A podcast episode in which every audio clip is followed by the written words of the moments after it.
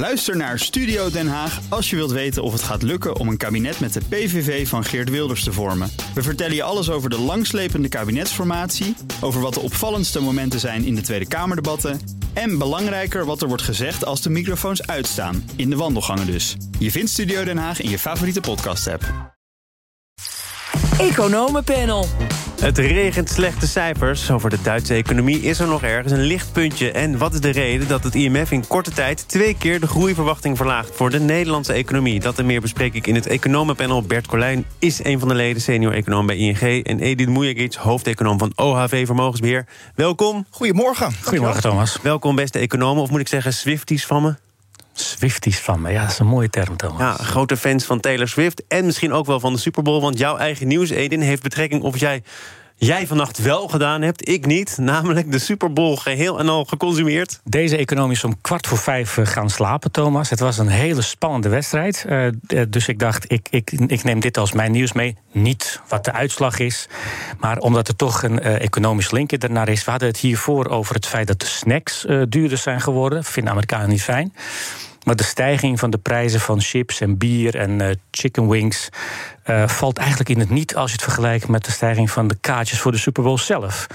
Uh, dit jaar moest je er ongeveer 9000 dollar tot 9500 dollar voor neerleggen. En dat is een stijging van maar liefst 93% ten opzichte van vorig jaar. Dus dat is, dat is echt Super Bowl hyperinflatie. Hebben Amerikanen dat geld er dan nog wel voor over? Ja, dus, want het stadion wel. Het stadion was vol. We hebben het uh, op deze plek heel vaak gehad over koopkracht, over overigens ook nog wel een stevig doorgroeiende Amerikaanse economie. Maar ja. is dit niet wat gortig? Nou, nee. Kijk, we hebben het over een land van 250, 260 miljoen inwoners. En zo'n stadion, uh, daar kunnen 70.000 mensen in. Dus ook als het economisch ontzettend slecht gaat, zijn er altijd mensen die dat geld uh, ervoor over hebben. En dat geld hebben da daarvoor. Maar de prijzen dit jaar uh, zijn, uh, liggen echt stukken hoger. Niet alleen de tickets voor de wedstrijd. Maar waar, waar, waar het in de reclamewereld uh, over gaat, zijn de reclameblokjes gedurende de Super Bowl. Dat, dat is het meest dure stuk uh, exposure die je maar kunt hebben. En dit jaar moest je daar voor, voor een reclameblok van 30 seconden maar liefst 7 miljoen dollar voor neertellen. 10% meer dan vorig jaar. En dan tot slot komt Taylor Swift wel om de hoek kijken. Want door Taylor Swift en haar aanwezigheid daar... want zij is vriend, vriendin, moet ik beter gezegd zeggen... Um, van, van een van de spelers. Ja. Dus wordt zij voortdurend in beeld genomen. En is dat voor haar fans, de Swifties, voldoende reden... om ook de televisie aan te zetten? Ja, en, dat dus betekent, commercials en dat betekent dus dat, dat, je ook een hele nieuwe doelgroep... Uh, krijgt uh, als je redeneert vanuit zo'n bedrijf dat 7 miljoen dollar neergeteld heeft voor een halve minuut. Uh, want het zijn niet alleen mensen die naar de tv uh, kijken voor het spelletje zelf, maar ook de fans van mevrouw Swift. We gaan naar ons eigen continent. Bert, goedemorgen. Goedemorgen. Met na heel veel gesteggel, eerst uh, tussen de ministers van Financiën... en nu ook het Europese parlement en de Europese Commissie... een versoepeling van de begrotingsregels in het Stabiliteits- en Groeipact. Maastricht kom je dan al heel snel op uit. Ja, uh, op, op wat er veranderd is. Ja, precies. Nou ja, en, en eigenlijk, het is natuurlijk al een tijdje uh, in de maak, deze, deze veranderingen. Nieuwe horde is genomen met het, uh, met het Europees Parlement. Waar eigenlijk het, het belang, de kern van dit verhaal zit er maar eigenlijk in dat we al een hele tijd uh, stoeien met de 1,20-regel. Wat houdt dat in? er moet, als je staatsschuld boven de 60% in is, dan moet je eigenlijk moet je daar 1 twintigste elk jaar van afhalen. Nou, dat is zeker voor landen zoals Italië, maar ook als België en Frankrijk, is dat eigenlijk onmogelijk om dat, uh, om dat te doen zonder je economie in totale malaise te storten. Dat betekent dus dat de huidige regels die we hebben, dat die eigenlijk, een, uh, eigenlijk onwerkbaar zijn. Um, en uh, daar zijn, nu zijn daar veranderingen op, op bedacht. Die zijn inderdaad soepeler. Maar de kans dat daaraan gehouden wo wordt, is daarmee ook wel groter. Dat hoop je in ieder geval. Um, het is zo dat, dat landen worden strenger bekeken op het moment dat zij boven die 60% zitten. Moeten een kleiner begrotingstekort mogen ze maar inleveren. En ze moeten per jaar een half procent punt van die staatsschuld af weten te halen. Uh, maar er is ook ruimte om investeringen te blijven doen in de economie. Dus daar zitten ook wat, um, ja, een beetje wat. Je hebt de, de, de stok en de wortel wordt vaak aan gerefereerd bij deze dingen. De stok die is er, maar ook de wortel. als je investeert investeringen doet om je economie beter te laten presteren, dan heb je dan een beetje langer respijt om je, om je, je staatsschuld op dus orde te krijgen. Dat betekent dat dat uitgavenplafond, dat dan opgenomen wordt in nationale plannen, eventueel overschreden, overschreden mag worden als dat ten goede komt aan lange termijn economische ontwikkelingen of ook zoiets als sociale cohesie kwam ik tegen. Ja, ehm, precies. Ongelijkheid, dat heeft het parlement heeft dat erbij in, uh, bij ingekregen. Nou, dat betekent ook wel, uh, en hier komen wij als Nederlanders natuurlijk uh, een beetje brommend naar voren, dat het ook wat meer interpretabel is. en dat er wat meer gesteggel tussen Brussel en, en nationale en, en, en de lidstaten kan komen over of er nu hier inderdaad aan die doelen of, die, of daar een vinkje voor gehaald is. dus of het inderdaad nu ook daadwerkelijk uitvoerbaarder is dan wat we de afgelopen tijd gezien hebben. Uh, dat lijkt wel realistisch, maar uh, ja, uh, dat moeten we toch ook nog maar gaan zien de komende Dus je versoepelt de regels zonder, en dat weet je misschien nooit, zeker te weten dat het ook echt leidt tot betere naleving van die regels. Met andere woorden, het stelt nog weer minder voor als je het cynisch wil bekijken. Nou, ik, ik weet niet of het nog weer minder voorstelt. Ik denk wel dat het, dat het momenteel concreter is hoe je je daar, daaraan kunt houden. tegelijkertijd is het wel zo dat hoe deze regels er liggen, dat is een versoepeling van wat er eerst was. Maar als je kijkt naar wat voor een, een inspanning dat vereist van landen, zeker van landen die een hoge staatsschuld hebben, dan is dat de komende jaren echt stevig. En betekent dat, terwijl de Europese economie al niet sterk draait, uh, dat dat wel uh, voor een uh, negatieve economische consequenties gaat hebben. Maar ja. Uit beleefdheid heeft Edin tot nu toe niks gezegd. Maar hij vindt er ongetwijfeld van alles van? Nou, ik vind er van alles van. En ik denk dat, dat het vrij uh, zeker is dat, dat nu, nu in, op alle ministeries van Financiën, zeker in het zuiden van Europa, gaat men gewoon elke geplande uitgave proberen te scharen onder het kopje duurzaam, groen, sociale cohesie of wat dan ook. Zodat dat niet meetelt voor je begrotingstekort en je staatsschuld en dus heb je een wassen neus gebouwd met elkaar? Dat je dan uh, over een jaar of vijf vaststelt dat uh, staatsschuld zoals dat gemeten wordt volgens deze nieuwe regels misschien wel gedaald is. Maar de feitelijke staatsschuld ligt gewoon een stuk hoger. Dus onverstandig? Lijkt mij onverstandig. Vind jij het eigenlijk onverstandig? Uh, nou, kijk, de vraag is een beetje: het, het, als, als het alternatief is wat we nu al hadden, um, ja, dan is dat ook niet realistisch. Want daar wordt ook. Uh, uh, dat is onrealistisch om je daaraan, om je daaraan te houden. Um, ik, het lijkt me heel erg. het, het gevaar wat Edin schetst, dat lijkt me. dat, dat is er natuurlijk. De vraag is heel erg in welke mate dat daadwerkelijk staatsschuld omhoog gaat, gaat brengen. Um, ik denk dat het heel belangrijk is dat er meer gekeken wordt naar wat dit voor de economie doet op de langere termijn.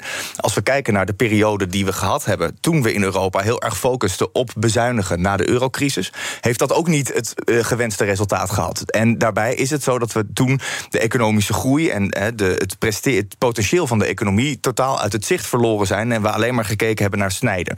Uh, nou, dat is in het licht van eh, de, de, de, uitdagingen waar we nu voor staan, is dat ook niet realistisch. Dus dat je hier iets mee doet, dat lijkt me best een, een, goede, een goed idee. Of het inderdaad gaat werken, ja, ik denk dat je daar best gereden twijfels bij is het eh, logisch, Edin, dat de blik toch wat uh, verandert? En dat ja, niet helemaal meer... eens. Helemaal eens. Kijk, wij hebben inderdaad de afgelopen jaren een paar keer geprobeerd om de landen met hele hoge schulden te dwingen uh, te bezuinigen. Dat kwam op, op het meest ongunstige moment, toen die economie niet al te lekker liepen. Dus weet je, dat, dat gaat niet werken. Maar ik vraag me echt af of het, of het alternatief, namelijk ja, toch, een, to, uh, toch een beetje vrijbrief geven om de schulden te blijven stapelen, of dat wel de oplossing is. Strafprocedure hè? en mogelijk boetes. Ja. ja, eerst zien dan geloven, Thomas. We gaan naar uh, het IMF. Dat heeft voor de tweede keer in een korte tijd de groeiverwachting voor de Nederlandse economie naar beneden bijgesteld. En toch klimt Nederland dit jaar voorzichtig uit het dal. Maar een nieuw kabinet moet wel enkele trends keren, zoals de oplopende zorgkosten, toenemende krapte op de arbeidsmarkt. En het IMF herhaalt toch nog maar weer eens een oud advies. Denk eens na over de hypotheekrenteaftrek en het nog weer versneld afbouwen daarvan. Uh, horen we dit soort adviezen nog, uh, Bert, of stelt het niet zoveel voor? Uh, nou, het is, het, het, is, het is natuurlijk elk jaar zo hè, dat het IMF dit soort adviezen geeft. Wij luisteren daar in Nederland nou, niet, niet altijd naar, inderdaad. Um, dus wat dat betreft is het ook niet zo dat we heel erg moeten schrikken van deze waslijst aan adviezen die komen. Dat krijgt ieder land van het IMF. Um, dat, dat hoort een beetje zo. Um, en ja, is de zorg dan over die, die zwakkere groei die het IMF naar voren brengt, dat valt ook best wel mee. Als je het IMF hoorde bij de persconferentie hierover, dan dan kwamen ze met een wat lagere groeiverwachting, maar eigenlijk ook met heel veel complimentjes over hoe sterk de Nederlandse economie, hoe veerkrachtig die gebleken is in de afgelopen periode van economische schokken. En dat dan vooral in 2023 de economie wat tegengevallen is, dat, dat werkt dan ook een beetje door technisch gesproken in die verwachtingen voor volgend jaar. Maar 0,1% 2023, 0,6 2024, 1,3% 2025. Ja, het is een beetje doormodderen. Ja, maar dat is het sowieso. Uh, ik denk hè, dat als je ook naar andere Europese landen kijkt, dat dat ook wel realistisch is om te verwachten. Uh, het is niet meer de, de periode 2021-2022 toen we enorm sterk heropenden na de pandemie. Die uh, jaloersmakende groeicijfers, daar moeten we niet van verwachten dat dat het, het, nieuwe normaal is. We hebben gewoon te maken met relatief zwakke productiviteitsgroei, met een verouderende bevolking. En in Nederland is dat iets minder erg dan in veel landen om ons heen. dat is in principe goed. Maar ja, dat je dan met groeicijfers komt die een beetje rond de anderhalf procent liggen op de lange termijn. Uh, dat, is, uh, ja, dat is een beetje wat je moet verwachten. Logica zelf, Edin, of valt het toch een tikkie tegen? Nou, ik denk dat je, uh, dat je niet moet vergeten. waar hebben we het eigenlijk over? We hebben het over een, een, een regelmatig rapport van het IMF. Inderdaad, wat Bert zei, ieder land krijgt dit. Um, en uh, het is zo dat er dan uh, economen van IMF naar zo'n land toe gaan om te overleggen, bijvoorbeeld met de centrale bank en met het ministerie van Financiën. Dus dit soort rapporten moet je vooral zien als soort economie uh, meets financiën meets diplomatieke taal. Want um, dit is natuurlijk een uitstekend kanaal voor bijvoorbeeld de Nederlandse bank of het ministerie van Financiën om uh, de boodschap die zij willen sturen, nu uh, wat ze altijd al doen: van je moet uh, letten op overheidsfinanciën, je moet iets doen aan allerlei problemen. Nu krijgen ze de kans om, dat, om, hetzelfde te vertellen onder de vlag van het IMF. Die, dat zie je dus altijd. er is een reden waarom er heel veel overleg van tevoren is. Tot elk komma wordt er gesproken over, in dit geval mensen van Financiën en DNB. Dus ik zie het vooral als, als, als een tweede kanaal voor uh, uh, nou, financiën en de Nederlandse bank. Om de nieuwe regering te waarschuwen dat je hier echt aan, aan, iets moet doen. Andere gezegd, en nu zelf de boodschap. Ja, we gaan nog even naar uh, Pieter Omtzigt. Want hij is dan nu toch in Den Haag om het verslag van uh, informateur Plasterk in te zien. Maar hij stopte met de besprekingen omdat hij zich zorgen maakte over de overheidsfinanciën. Inmiddels is er ook een reactie van de missionair minister van Financiën Steven van Weijenberg. En hij zegt: Nederland staat er prima voor. Er komt een nette begroting. Um, we hebben alles in kaart gebracht. Maak je geen zorgen. Uh, zonder er een politiek panel van te maken. Maar je hoort meerdere economen zeggen: ach, uh, we moeten natuurlijk op de lange termijn wel iets doen. Bert, maar als je nu kijkt naar de staatsschuld, geen enkele reden tot paniek. Ja, nee, dat, dat is natuurlijk zo. We hebben in de afgelopen jaren hebben we onszelf een uitstekende uitgangspositie gegeven. En onze staatsschuld is veel lager dan die in veel landen om ons heen. Eh, dus dat betekent dat je inderdaad best wat ruimte hebt. Tegelijkertijd uh, gaat het begrotingstekort voor dit jaar, volgens mij is het uh, net over de 3%. 3,1 inderdaad, met de aanpassingen van de Tweede Kamer uiteindelijk. en dat geeft natuurlijk wel aan dat het ook voor de langere termijn. De, volgens mij is het de studiegroep begrotingsruimte berekend dat het houdbaarheidstekort kort eh, dat, dat, best, uh, dat dat best aan het oplopen is. Dus wat geeft dat aan? Het geeft aan van nou, je hebt jezelf een goede uitgangspositie gegeven. Je kan best dat maken, maar maak wel duidelijke keuzes. En volgens mij is dat ook letterlijk wat het IMF zegt. Is, ga wel keuzes maken, want je hebt een aantal uitdagingen waar je de overheid voor nodig hebt. Je hebt te maken ook met vergrijzing. Wat betekent dat je ehm, last, het lastig gaat krijgen qua zorguitgaven bijvoorbeeld. inkomsten die wellicht achteruit gaan lopen. Dus zorg er wel voor dat je je overheidsfinanciën op orde gaat hebben. Ook al heb je nu best wel ruimte. En dan wordt er gezegd, eigen risico misschien wel omhoog. Of basispakket kleiner maken. Dat gaat natuurlijk diametraal in tegen de wensen van sommige nu formerende partijen. Ja, nou, en volgens mij is dat natuurlijk ook een, een, goede illustratie, inderdaad, zonder het politiek te maken, van waarom dit een best moeilijke uh, formatie nog is gebleken te zijn, om het zacht te zeggen. Nog even naar de reactie van Steven van Wijnberg. Hij zegt: uh, gevraagd naar die mee- en tegenvallers leveren ministeries hele lange lijsten aan. Het zijn Sinterklaaswensen, stiekeme wensen die het ministerie eigenlijk al heel lang heeft om uh, grote dingen te veranderen. Met andere woorden, wat je vraagt, krijg je ook. Hecht ook daar niet zoveel waarde aan. Nou ja, ik ben het wel inderdaad daarmee eens. Want als je vraagt wat is het meest uh, zwartgallige scenario wat je kunt hebben, nou, dan krijg je dat ook. Um, ik denk dat het ook onverstandig is om, om, om heel veel of eigenlijk alleen maar aandacht te hebben voor begrotingstekort en de verwachte begrotingstekort in de komende jaren. realiseer je wel, wij, wij leven in een land dat, dat gewoon een hele lage staatsschuld heeft. We hebben de luxe om bijvoorbeeld te investeren in dingen die de productiviteit op, op termijn aanjagen. En dat is ook wat in dat rapport van IMF staat. Dat is ook wat je afleest uit de ramingen van het Centraal Planbureau voor de komende jaren. De Nederlandse productiviteitsstijging, als alles meezit, uh, komen, komen we ergens in de buurt van 1%. Ja, dat is gewoon veel, veel te laag. En nogmaals, als je investeringen doet in onderwijs en ontwikkeling, waardoor de productiviteit stijgt dan lossen die begrotingstekorten zich vanzelf wel op. Dan, dan, dan zal de staatsschuld geen probleem zijn omdat een hoge productiviteitsstijging betekent dat de inflatie laag is, dat de rentes laag zijn, dat er meer geld naar de overheid vloeit, omdat de economische koek uh, groter wordt en dat eigenlijk iedereen erop vooruit kan gaan. Dus ik zou me wat minder richten op verwachte begrotingstekort in 2027. Je weet dat er iets anders gaat uitkomen dan waar we het nu over hebben. En vooral uh, aandacht focussen op hoe kunnen we de Nederlandse productiviteitsstijging aanjagen. En het kan altijd erger. Bij BNR ben je altijd als eerste op de hoogte van het laatste nieuws. Luister dagelijks live via internet. Bas van Werven. En heel langzaam komt de zon op rond dit tijdstip. Je krijgt inzicht in de dag die komt op BNR, het Binnenhof in Nederland en de rest van de wereld. De Ochtendspits. Voor de beste start van je werkdag. Blijf scherp en mis niets.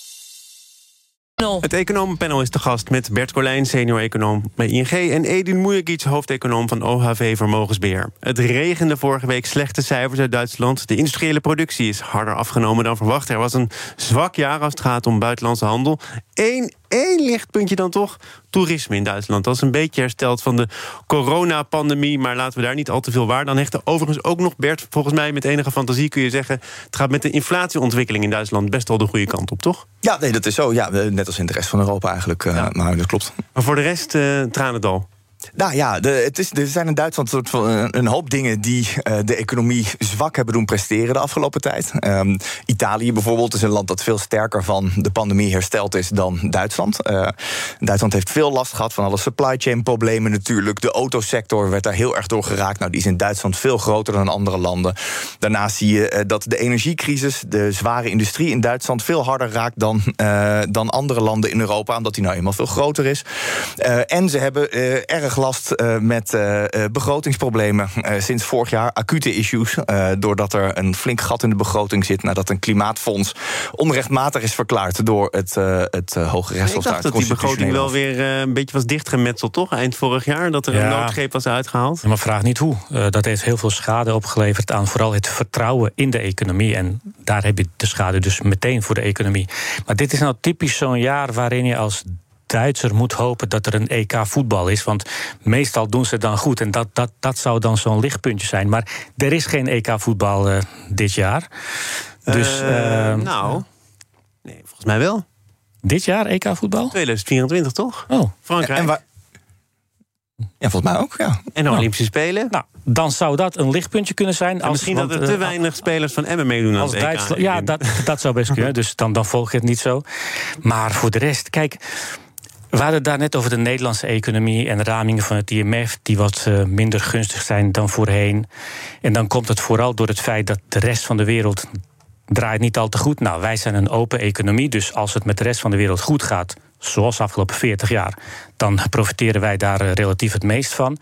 Uh, maar de andere kant van de medaille is, als het wat minder gaat, dan, dan hebben we daar mee, meer nadeel van. Maar dat zijn allemaal cyclische factoren. Als het straks met die wereldeconomie aantrekt, dan, dan komt het met ons wel goed. Duitsland heeft een structureel probleem, want heel lang was, was, was het economisch model van dat land als het ware eigenlijk heel simpel. Je koopt goedkoop gas in uit Rusland. Je laat het gas stromen naar de fabrieken. Daar maak je mooie machines mee. En zodra je daar stempel Made in Germany op zet, is de rest van de wereld gewoon te gek op. Met name uh, afnemers in China. Ja, uh, goedkope gas inkopen. Dat gaat niet meer en dat zal komende jaren ook helaas niet gebeuren. China heeft uh, zelf heel veel problemen, waardoor de animo om, om al die mooie Duitse machines te kopen uh, gedaald is. Dat is een structureel probleem voor de Duitse dus economie. er is een zekere luiheid, zeg jij? Nou, nou ja, dat land heeft het natuurlijk zo lang zo goed gedaan. dat ik me kan voorstellen dat dat, dat, dat, dat soort. Uh, een soort valkuil waar Duitsland in gevallen is. Uh, we hoeven eigenlijk niet zoveel te investeren in bijvoorbeeld nieuwe infrastructuur. Ja, dat haalt je nu in, uh, want dat, dat remt die economische groei af.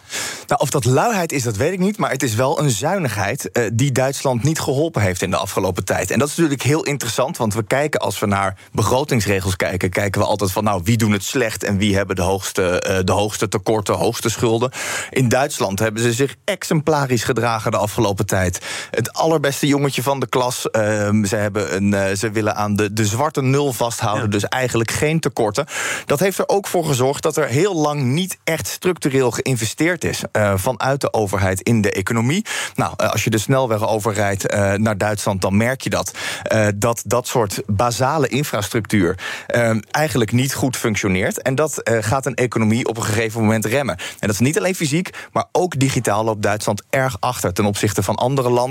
En de afgelopen tijd waarin rentes in Duitsland onder de nul hebben gelegen, was een uitstekend moment om juist in die economie te investeren. Om hem naar de toekomst toe uh, bestendiger te maken. En dat hebben ze niet gedaan. En daar uh, plukken ze nu ook de frange vruchten ja, van. Waarbij wel misschien een. Uh kanttekening is dat, dat je je kunt voorstellen dat zij zo gefocust waren op die gezonde overheidsfinanciën. Want Duitsland is het land dat in de toekomst uh, ontzettend hard gaat vergrijzen. En Duitse pensioenen die worden niet betaald doordat mensen zoals wij hier geld opzij leggen, maar voor een groot deel uit de opbrengsten, belastingopbrengsten en premieopbrengsten in het lopende jaar.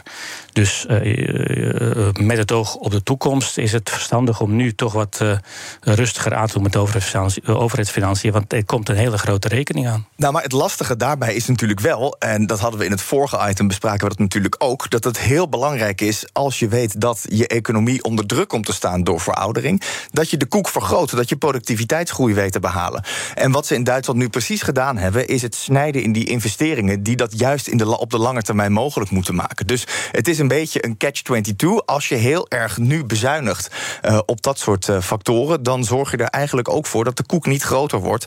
Um, en, en heb je alsnog het probleem. Je, dus kunt, het, uh, je kunt eigenlijk zeggen dat dat daar waar landen zoals Italië en Frankrijk het net iets te laks hebben gedaan met over, overheidsfinanciën, dat Duitsland misschien net iets te streng is uh, geweest. Maar wel te rigide, zeg ook jij dus, in dat uh, begrotingsbeleid? Ja, als je nu vaststelt dat, dat, dat je echt een hele grote slag uh, gemist hebt in het investeren in de nieuwe infrastructuur, dus infrastructuur van de economie van morgen ja, dan, dan ligt de conclusie uh, niet ver uh, daar vandaan dat je inderdaad misschien te rigide bent maar geweest. Dus moet je het nu doen in de tijd dat die lage rente, in ieder geval de lage rente van de afgelopen jaren, niet meer terugkomt. Nee, maar dat kan uh, geen reden zijn om niet te investeren in de toekomst. Want ook met de rente van 2. 3% is de kans groot dat het rendement in de toekomst van het investeren in nieuwe technologieën hoger zal zijn dan de rente die je daar nu voor betaalt. Zolang Duitsland blijft sukkelen economisch, um, geldt dat dan ook in meer of mindere mate voor de rest van Europa? Het is toch de grootste Europese economie? Ja, dat, nou, dat heeft wel impact. Maar het is ook natuurlijk een. Uh, wat je ziet in Duitsland is ook een, een, symptoom voor wat er in de rest van Europa gebeurt. Hè. Dus kijken we bijvoorbeeld naar de structurele problemen aan de energiekant. Dan zie je dat in Duitsland je daar meer mee te maken hebt. Dat die zware industrie. Uh, die is nou helemaal groter in Duitsland dan in de rest van, uh, van Europa. Um, maar goed, hè, je ziet dat daar fabrieken gesloten worden. die opengaan in de Verenigde Staten. Omdat bedrijven zeggen: ja, we zijn hier. Het is energie onzeker. Het is duurder geworden. dat is Europese concurrentiekracht die we aan het verliezen zijn. Dus dus het is ook een, ja, het, het, geeft inderdaad aan dat we in Europa met een probleem te maken hebben. En dat, uh, dat zie je in Duitsland wat meer dan op andere plekken. Afgelopen zomer constateerde TBS trouwens wel dat de Duitse economie iets minder allesbepalend is voor hoe het in Nederland gaat. Dat is dus net op tijd afgebouwd, dat enorme belang. Ja, dat betekent niet dat wij natuurlijk immuun zijn voor ontwikkelingen daar, maar uh, uh, uh, wat wij allemaal geleerd hebben als Duitsland niest, wordt Nederland verkouden. Dat eh, gaat tegenwoordig uh, gelukkig niet zo heel snel op. Ook een beetje geluk, want we hebben natuurlijk wel gezien dat de sectoren die het in Duitsland de afgelopen tijd slecht gedaan hebben, dat dat ook sectoren zijn waar wij nou niet per se de uh, grootste afhankelijkheid van hebben. Heel goed nieuws voor uh, die manschaft. Toch nog even voor de volledigheid. Het is in Duitsland. Oh ja, dat was ik bijna vergeten. Dus Duitsland doet er sowieso mee zitten in de pool met Schotland, Hongarije, Zwitserland. Nou, dus het kan dat alsnog goed komen met, met de economie van dat het land. helemaal goed komen. Edin Mujagic, hoofdeconoom van OHV Vermogensbeheer... en Bert Colijn, senior-econoom bij ING. Dank voor jullie komst. Dit panel is trouwens ook te beluisteren als podcast. Abonneer je gerust via je favoriete kanaal of de BNR-app. Bij BNR ben je altijd als eerste op de hoogte van het laatste nieuws. Luister dagelijks live via internet. Bas van Werven. En heel langzaam komt de zon op rond dit tijdstip. Je krijgt inzicht in de dag die komt op BNR, het Binnenhof in Nederland en de rest van de wereld. De Ochtendspits. Voor de beste start van je werkdag. Blijf scherp en mis niets.